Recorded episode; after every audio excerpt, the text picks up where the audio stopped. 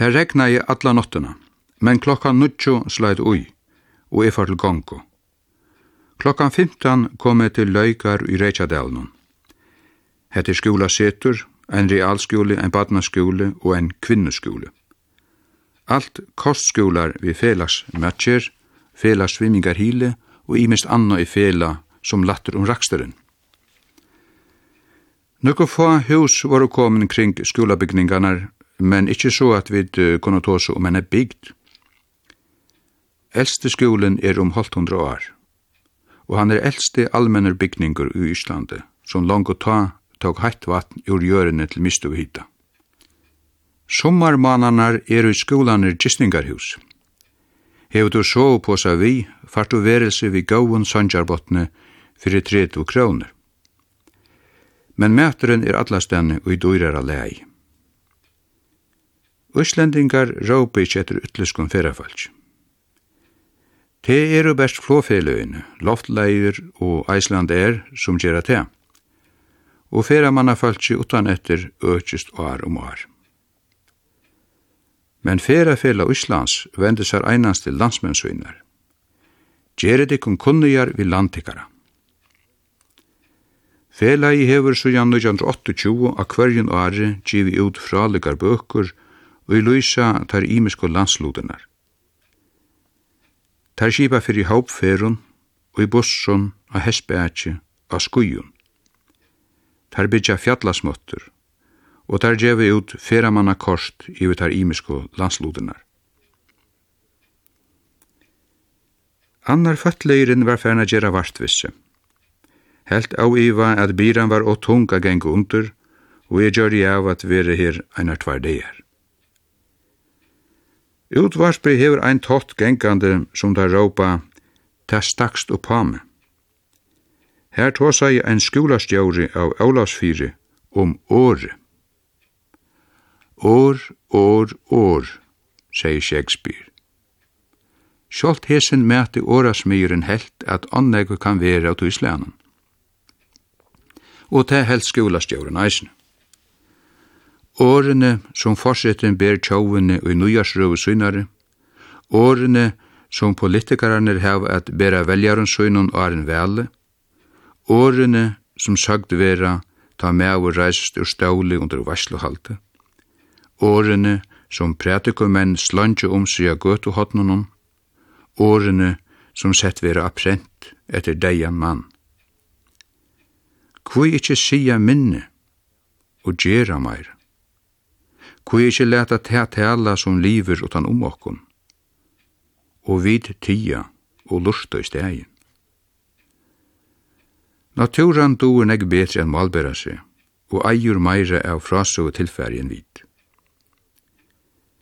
Skolastjauren hei sett eina rabarburåd nýr her norri og i Hon segi honom gossi hon frødde seg ta lukkan kom i luftina mot det sumr. Gjøgnon bløkkernar tók hun kålevni ur luften. Urtui gjørdi hon illt, som er fire treiden fri öllun luivi a gjørene. Og hon gjørdi suger evni, som til dømes edjakvide evne, og gjeru mellom grundevnene og i mæti okkara, og i mæti hennara. Hon skjuder røtur som teka køvi evne ur baltene, sær sjálvun og okkon til ressingar og helsubáut og måtte hesti hefur hon finnst så mykje av fórevne at hon skjuter ein lengan stokk oppi i middelblokkunar. Stokkurinn sitter fre, og rabarban hefur tridja seg framhaldande luiv her av foldun. Måte kvölde kom Torger. I hei bor i honum på mal beina vini så han. Han er mever om 55 år. Hefur omsjån vi skolanum, og han veit om engt a. Nå spurte han om jeg i hova koma vissar i samkomme huset av Brei og Møyro stått norran fyrir løygaskola. Limer ur danskon fimleikafelaði høyde veri nekra deir, høyde bjútja fölkje, og hetta skulle vera frafæringa kvöld. Hetta var størst og vel omside samkomme hus som ungmannafela i åtte, vi leikpadle. Det andre sundu fölkadans ein uslendingur sang. Inni middelen uslensk falkalø og vøggevuisur som ridum ridum, nu andar sudri og erdla góða erdla sang han vi seila opp al åen og heit på en gren in kare sel. Ein lærare sundi okkon sjálfsamar litmyndir som presturinn av skutelstøvun vi mye vatten hei tidsi av landslæren kring vattnet, av blåmo og fuglaløvunum her. Ein sannur listamaur var hessen presturin vi myndatólunum.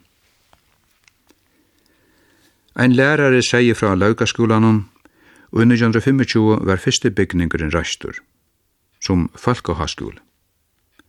Røygiskassi og kommunukassar voru allir tómur. Men ungmannafélagi byggdi skúlan. Leiminir gjördu allt arbeid fyrir ønskju og savnaðu peningar fyrir tilfæri. Gott er at eia sjálfur til som stendur og heima gjør, hugsa i.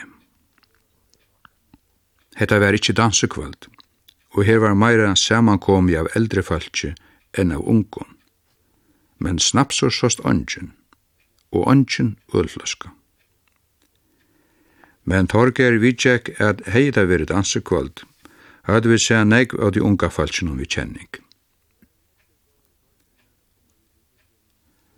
Dagen etter bjóa i torger mer a koma vi bilesøynun norr ui Ealdalen, som gongur norr ui Reykjadalen. Og så gjør veri til ta stauru øyrena ut i hevenon vestan fyrir Husavik. Skjálvandi eitir tannflegven. Vi stakkaðu vi prestagærin av grenjaðarstöðun, gamle gærin sendur upp i enn, og her er fodminnesaun. Tjøknon eina gong vi flærlæging bau megin vi, koma vi inn i størst eldhus vi fleiri eldstøvun av myon gulv. Herne er gong inn i bure. Her var allur metur tilgjördur og gomtur, salta kjøt, hangi kjøt, kittna smör, skýr, surmjölk, ostur, pilsur, blömmörur og så framvegis. Ein haupur av mekjerar anbóun og ilötun. Attur ein long gong gongur til daglistovuna, vi plissumøblun, gamlun utskarnum skapun og malavun kistun vi navnastøvun og orsthølun. Heani inn i prestastovuna, eller skriftstovuna. Her stendur et størst bor, kom i ur husunum tja Jónu Forseta Sigursíni, ur uibu hansara og i Kjeppmanna haun, her han bui all løysut tog at han av politiskun orsøkun ikkje fekk starv heima i Ísland. Så fatekur at etter deia hansara var innbyggvi alt selt fyrir skuld. Ein stige gongur upp a lofti, og her er bastovan. Hon er så negv tiltigin i íslenskare søvu, arbeidsblossi og gamla mentunar setri. Her standa sengur fram vi öllun veggjunan, ikkje kodjur, Under arbeidet var det nøyttar til a sita av, som vi tøttu bansjinar i okkara rockstoven. Her standa rokkar, vevar, hespetrø, snaltur og annor tøtingar ambo. Og i bastovene er angin hite, utan han som kjemur upptjagnan gulvi ur eldhusen i negra. Her hefur veri kalta site tar lango vetranar, ta 20 til 20 kuldastivar utanfyrir. A loftunum er eisne sovekamari tja prestatjónunum. Tvei smarre til prestabönnene og eitt til der fínu gestunar. Hitt falkis vi av alt i bastovene. Umframt alt hetta er størst saun av ambovun, av glibberun, sølun, skujun, klævun til allsins vevur til fjalls og til fjör. Her er mannalöfi alt, så leið som det hefur veri lífa og jesun lande, og og i tutsju öldur. Hesen gamle uslenske byggehotterun her alt er under einare lån vi gongun i middlun, gråt og flelea av skilarumun og vetsjun, han tegis fyrst og fremst mye imauti at verja mot kultanen. At dem smarre gørunum var bastuan i negra. Mennkir hufløyder menn hava skriva om uslenska bastuana a sama hot som eisne vit hava ått menn vi hoflåi og i skriva om rockstovumentanina. Ærer høttu ikkje så høgt flå, havast ikkje minne mentair. Som til dømes Tryggvi Emilsson, som levde i hetta bastovu loyvi allan oppvøksteren, omlai 1920 til 1920. Han teker såleis til. Allir hesir gæranir i Aksnadalen voru neka eins bygdir, men avjavner til støttar, alt etter hvordan negu gjør latle gæren. Men gans skorsta i regnføre, til sa Jessens gløgge eia, høyast husfalki ikkje gav seg fær om det. Da du komst til gars, møtte der fjallbrøytur røykur, mest torrøykeren fra ofna eldsteanon som kunde seta fyrir brøste, var eldren ikkje nåvel hyrtur. Vi torrøyken blanda i seg røykur av slavnare mold, sót røykur ur trårunum og meta røykur ur burunum.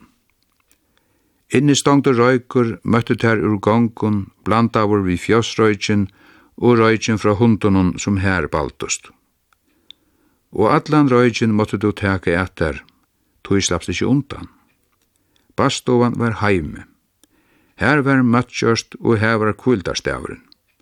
Og mengan var luften tung ta dei atra av seg vi at ofna glukkan til kulden var så hervelig utanfyr. Og her tjekk varst om anna. Her var og klægene torska i. Somme lade de under seg i sanjina torska. Her var hovask øye, skåri av galvunnen, hovask seimeier, klægene bøtt. Her var odlen virka og rossafakse kæra, spunni og flatta. Og her var og vaska, ta ikkje slappst i onna fyrir kæva Nattpotaner stod under sjansjene og var tekner opp i sjansjene da menn skulle kasta seg av vattnene. Her som gengur vær innandora ut i fjause, gingo kuttnar jøgngonsjene. Jeg røyndi a køyre av kunna at hon skulle ikkje få tog til a litta helan i gonsjene, men ikkje etna i stak varja fyr. Men kan lekt hei ikkje idla. Vi kvørst rann heiler løkur ut i jøgngonsjene og og vær til en stauran hil ute vid dittnar, då i tone utanfyrir la hagri en gongen. Og for ånden at øysa vatni ut, leis gler av hilen og heilt inn i gongen. vi kordu ösku av grigvinni og hiljanar er drekka vatni i isse. Agile var bastovugalvi grivi ut anna sommare vid bo her, men det var ikkje arbeid jeg bjava kvarju manne. Deimere var så ræveligur at røymast måtte ut ære hverja løtu. Som hei råte ræ ligju i hverjun øskelegi vid komin i rå. Pape bærde alt ut og tåg dorastaven fra. Så jan svau vid ut i høynun i tver nætur, og rein øska var boren av bastovgulvet. Fra Grenjavarstøvun fóru vi torger til Raumagsvirki i Laksa, her hon kjemur oman i Rekjadalen. Her eru byrgingar, og vatnu veru vætt i jøgnun eina gong i fjallunun, nekka som i sjøversjonon tjokkun. Bøndernir i dalunun gjør negva møtstøve mot jesum virkjunun, og gjerra det enn mot tøylegum virkjunu i Íslandi. Tær halda mellom anna at jarsjoltar kunne sprønja byrgingarnar og leggja dalen under i vatnet etter einari løtt. Det er ein årsøkjen til at her får undervirke vi krøblo. Og i stegi fyrir vannsorsko atlat her her at nøyta govuna fra de heita vatnunum til at druva turbinunar. Men sjoltanir som var vi krøblo i var hava finnje menn at ivast ui gosse negdar kunnu luita a govu orskana. To sjoltanir kunnu gjerra te at govu gosse skifte kaus. og i Ealdalen er negg av storsnavun gåsgraude. Torger viste mer av gåse sjangsta er at hetta graude er fra tveimun imeskon gåsun. Det eldra er meira og minne til gregve, det yngra ligger best. Jarfrøyngar meta til eldra at være om 4000 år gammalt og til yngra om 2000 år. Og nu får vi da vidja folk. Fyrst fyrir vi til Brauer Torgers og Heia. Soneren hei tidsi vi gærn. Gamle segi at han åtte båt, og nu om sommare fyrir han a flåt av oa. Her var lengt a geng alle strandar. Stovan var öll som eit graurar hus. Det var konan i heis og gauan han a fast vi blaumur og urster. Da vi da du vet døvra, gav han saltfisk, setti hon seg til urkuna, og vi trivu i okkur le. Hetta var som a koma i et heim her du gjekst daglige. Hene får vi til eina systur Torgers. Soner hennara, Rinkur, var listamalar, bor annars i Reykjavík. Men kjemur hier at mala vi kvørst og hefur byggt sér malara versta og i husene. Han hei seg fyrir sko lista framsøgningsna og i norrønne husunan i Reykjavík fyrir nokkur åren sujane.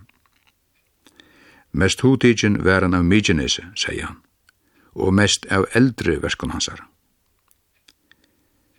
Sjálfur var han fjölbrøttur malar, heilt fra indeslion pastellmålningun og til kaldar geometriska tekningar, summar vi vanslitun. Og så fyrir vi til gæren hen kona Torgers var atta. Gamle bønden, brauer hennara Kjetil, hei veri huskallur i kyrkjubø om 1920. Han var deir nu, og sonaren indriði hei tidsi vi. Tei sødde mer at trutjar føreska konur er giftar her i Ealdalen. Vi kordu fram attur i Reykjadalen til Laugar og midtnottena og solen roa i havsbrunne, for ongandi undur. Ein gaur dagur tja vindsalen falsk. Men jeg gjør det av at halda fram leina til Akurøyrar dagen etter. Jeg far til Gongo klokkan 13.30. Leien hiane til Akurøyrar er om 35 kilometrar. Da jeg gynja hana tvær tøymar stekka jeg en bilur og beimar og pui. Hetta var ungur verkfrøðingur som starvaist við krøbluverki. Við kortu um jökulsonna sjálvandi og her sáu foss. Godafoss. Elabógin spaldi sér i fossunum. Onkur hefur raknað seg fram til hvað hessar jökuls ænar bera til havs av sandi, eiri og gráð. Han tók nøgdina og í einari avvisari nøgd av vatni, ta æin er av det størsta. Molde samla av vansnøgdene og i ånne, og ferina av vatnene, og han kom til te urslid, at en slug a, ta hon er størst, fører 12.000 tons av sande, eiri og gråte til havs, og i et sandøver. Vi kom og framvig gæren av Hriblo, Jonas fra Hriblo var mellom fremste politikararnar, umidlen boar hansbardeanar og sætene. Han var framsøkna med år, til bøndaflokkeren. Tiltigin herrer og eirindaleisur og jatsøkn sunnar i måte med ståmånen. Unge verkfrøyngren helt av luti om bøndaskapen tja Hriblu Jónasi. Einar fyrir han kom heim av alltingi fyrir han at grava en av veit, men han grav undan brekkene, og vatni var standandi i grøvunen sukvar som han grav og søyan vera veitur, såleis vera grivnar, røptar hribloveitur. Hesen unge mævren hefur valla veri framsakna mævr. Men ungen yvir om at Jónas var bøndunum ein gaur mævr, hóast harrenda framfyr hansara kundi elva til strúi, æsini innan egna flokk. Telefon og ve til kvann gær, det var eitt av herraupun hansara. Han var ugen i samvinnu og bunavarskula om valen. Og innan samvinnu røslina hei han eisen i alite størv. Jeg far av vi vagla skogen, einar 30 kilometer fra Ekerøyr. Her tjalda jeg. Og her i skogen var friur og sæla. Smafoglaner skapa luiv utan om seg. Bægi fyrir øyru og eiu. Einar fyrir kom okkur størst massa kjent og for að sveima yfir trøvunum. A suttje sa smav og gossetar i einan flotsi hildi i máti ágjárunum. Sjálvandi makta á það luidi að reka það bústur, men þar fingo svo sunt rannsmannunum kursi ávengstur hann vær í smáfugla landet tar. Av hajafugli var annars mest som það sama að suttja Íslandi som í fyrjun. Jeg sakna i tjaldre og lykkuna, men tei må nå halda sig ute vid strandene. Rauner var nekkur, og han fløyer vel lagri her enn heim i fyrjun. Anna kvart rokna Íslendingar han ikkje tan skea fugl som vid, edla eisne tåra der ikkje gjerra seg inna av hissar gamlo rajjavarar Owens. Morgenen etter for til gongu klokkan 11. Men ta jeg ikkje en tøyma, stegga i biler og beimar og pui. Onganti hei rønt a stegga bile. Men hetta var så tria ferien at ein stegga i sjålgrautur, og so kom i køyrande til akkurar. Jeg før til studentaskolan. Her er gistingarhus om sommar. Jeg trøy vi íslensku bløyene.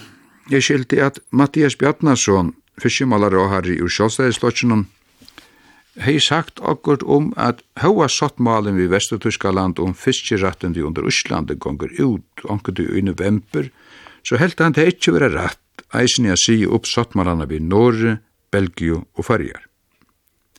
Hesson sværa i Ludvig Josefsson formauer alltid og bandalagsins, det er kommunista-socialista samgångan. Han skriver såleis i floksblænen. Ta tuske sottmalen gonger ut i november, eier vita gjerra rent bor. Det vil sige, at vi eier eisene at si opp sottmålanar vi Norge og Belgium. Vi eier ikkje at gjera særstakan sottmåla vi fyrjar, utan under avvisum forstreidun. Middelen annat her, at her sjolver verja sunne fiskjuvai og mal, og at her ikkje gjerra sottmålar som gjeva EEC-Londonen vikongt fiskjerattende under fyrjun, samståndes som der søkje om veierettende under Íslandi.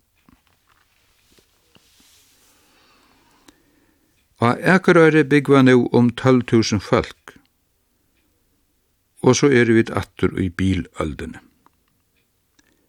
Ungkvaldanar køyra unglingar gjøgnum gøtunar av pruttle. Og einasta endamáli tidsjes vera a få dei til a gjera sånn ekvan geng som gjørlet. Og i einar blægi lesi at uslendingar kjeipa negv nervamedicin samanbore vi hinu Norrlund. Jeg då ikke gjøre meg nekra mening om hvordan jeg da drekka, eller hvordan leis jeg drekka. Det er når jeg evere ekkerøyre fem til samans, så er jeg best ein mann vi kjenning. Og jeg er omgang se allare leiene av seidesfyrir til ekkerøyre. Jeg var neg folk i slittnum arbeidsklæv.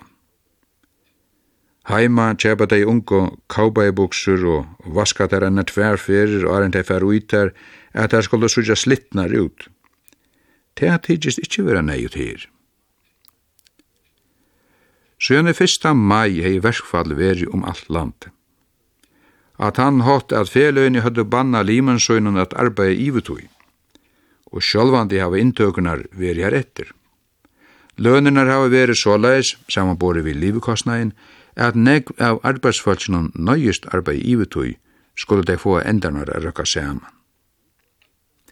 Verkvalli er av og vi får sudja kvart av loksins for at etnast arbeidsfølsnum er stegga til lønarpolitikki som hefur verið han vanlig hér til, at hverja fyrir falsi hefur støtt seg fram til hagre løner, skerjadar kronevir. Og framleigararnir og utlitararnir teka så lønarhatsingarnar atur tannvei. Få flere kroner fyrir hverja utflutta vøruhend. Og gera såleis arbeidslønna til ein minne Ludvigsan parst av prysunum fyrir framlæslu vörunar. Det eru peningamennir, framleigararnir og utlidararnir og hava krøst krónuna nyr og jönts. Okkara sambandsmenn, og jeg er vanir at nøyta uslensku krónuna som rævumynd, åtta laksar til jeim. Det er ikkje armå, eller tvørrande løvsmøvleikar og i uslenska buskapunum som hava forkomme krónuna. Det eru kalde spekulantar og jeg var fastatøkur av peningavalden. Verkfalli er av. Det om det hefur utvarpi løysingar her er ímisku arbeidarfeløyne búa limunum til fundar at vidgjere urslit.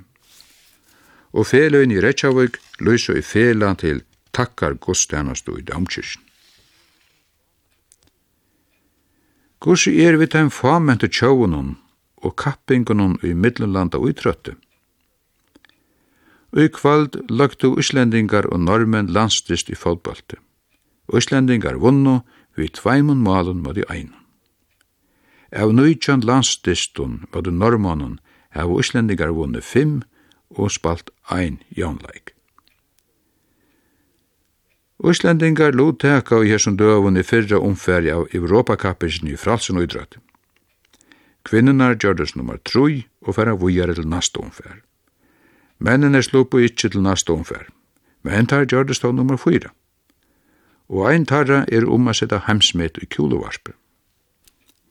Utan fyrir studentaskolan stendur høgmynd etter Einar Jonsson. Utiløve med avren. Vi lujtjen hon av konun om heranar. Luttla batnen av øren armen hon. Vaft i seia skinn.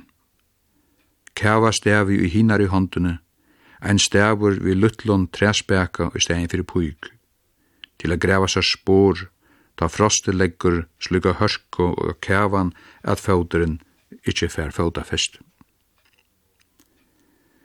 Hundurinn gongur i knassbótnun og honum, bæir skimast her við varsomun eigum Man det ikke etnast heim at finna konunni ein levusteg, og med ikkje vugtare mold, så tau under tina er grønare torv. Hesir udelögu menn varu ein tottur fyrir sé i sögu. Sögu Søvumæveren Björn T.H. Björnsson løser hetta vel i bøgjene Hestskip. Fyrste uslendingur som dømdur var i bolt og jaden av Bremer Hølme var Torleifur Jonsson fra Vestfyrun. Hetta var i 1645. Og brossverskje var at fyra fyrir heian ståle mæt av svangt. Han var brennemester. Eit gluande likla skapelse var trust mot i enni hansara, og hese likla arrene tvo avst ikkje av atur. Og nu berja jeg en sannur utlåtningur av Íslendingum, mannen og kvinnen, til trela arbeid i Kjeppmannahavn. Mannfalsene til Imes tungt arbeid i Stokkhusenum som lav i Østervold, Et kalla beint her som Jan Sigursson, fralse seg til Íslands, sætni skulle byggva meginparsen av løvesøgnen. Husene som Íslenska felagi i Kjeppmannahavn sætni kjepti og eier. Konefalsene arbeidde mest vi spunaarbeid i tukt og spunahusen vi overgæren over vannet ut i Kristianshavn. Bæra årene 1605 og 1606 var 13 uslendingar sendir av landunum omfram konefølsene som vi ikkje hava tale av. Tølv tarra var dømter fyrir stultur. Ein fyrir lesingabød. Longu i 1608 var det tutsi av dem deir i traldomna. Ein var sendur til Finnmarkina til skansa arbeid her. Ein var novavur, du okkurs nutt kom upp i malen. Han var sendur heim i varskipen i 1608 Men ta heimafjöllene komu undan havsbrunne, hongdi han seg i mastruna. Ta stjólu menn av svongt. Gentunar badnavust, Hauas lauen settu dem bann fyrir a gifta seg við ognarleisom mann. Og meavur var dæmtur fyrir bláskom við bráur konu synare, bráur døttur edla papasistur. Refsingarnar tóa døvun skilja við ikkje det heldur ikkje tar uslensku embadismennar, og i tykte så alt trair at dømas dømar og seta der i versk. Atter i måte skilja vid udeløve mennar, Tær som heldur valdu at flutja undan akær og daume og dodja i kulta og av svongt ute i uslensku øyemørsene, enn at vildu rottna i hel og i jötnun og i danskun trælabjurun og vera jærair av garnisons ute i Esterbrygg.